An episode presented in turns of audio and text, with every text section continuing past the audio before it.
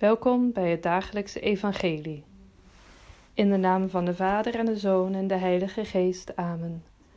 Onze Vader, die in de hemel zijt, uw naam worden geheiligd, uw rijk komen, uw wil geschieden op aarde zoals in de hemel.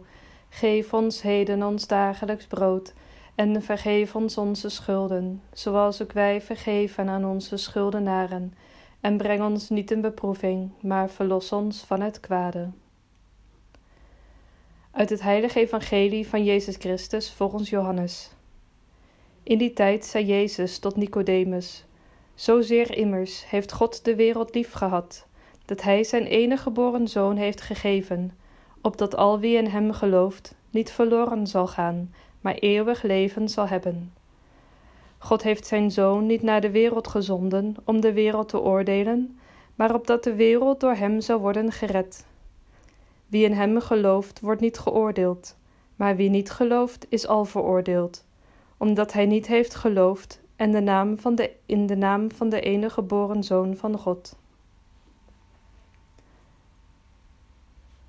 Wees gegroet, Maria, vol van genade, de Heer is met u. Gij zijt de gezegende onder de vrouwen, en gezegend is Jezus, de vrucht van uw schoot.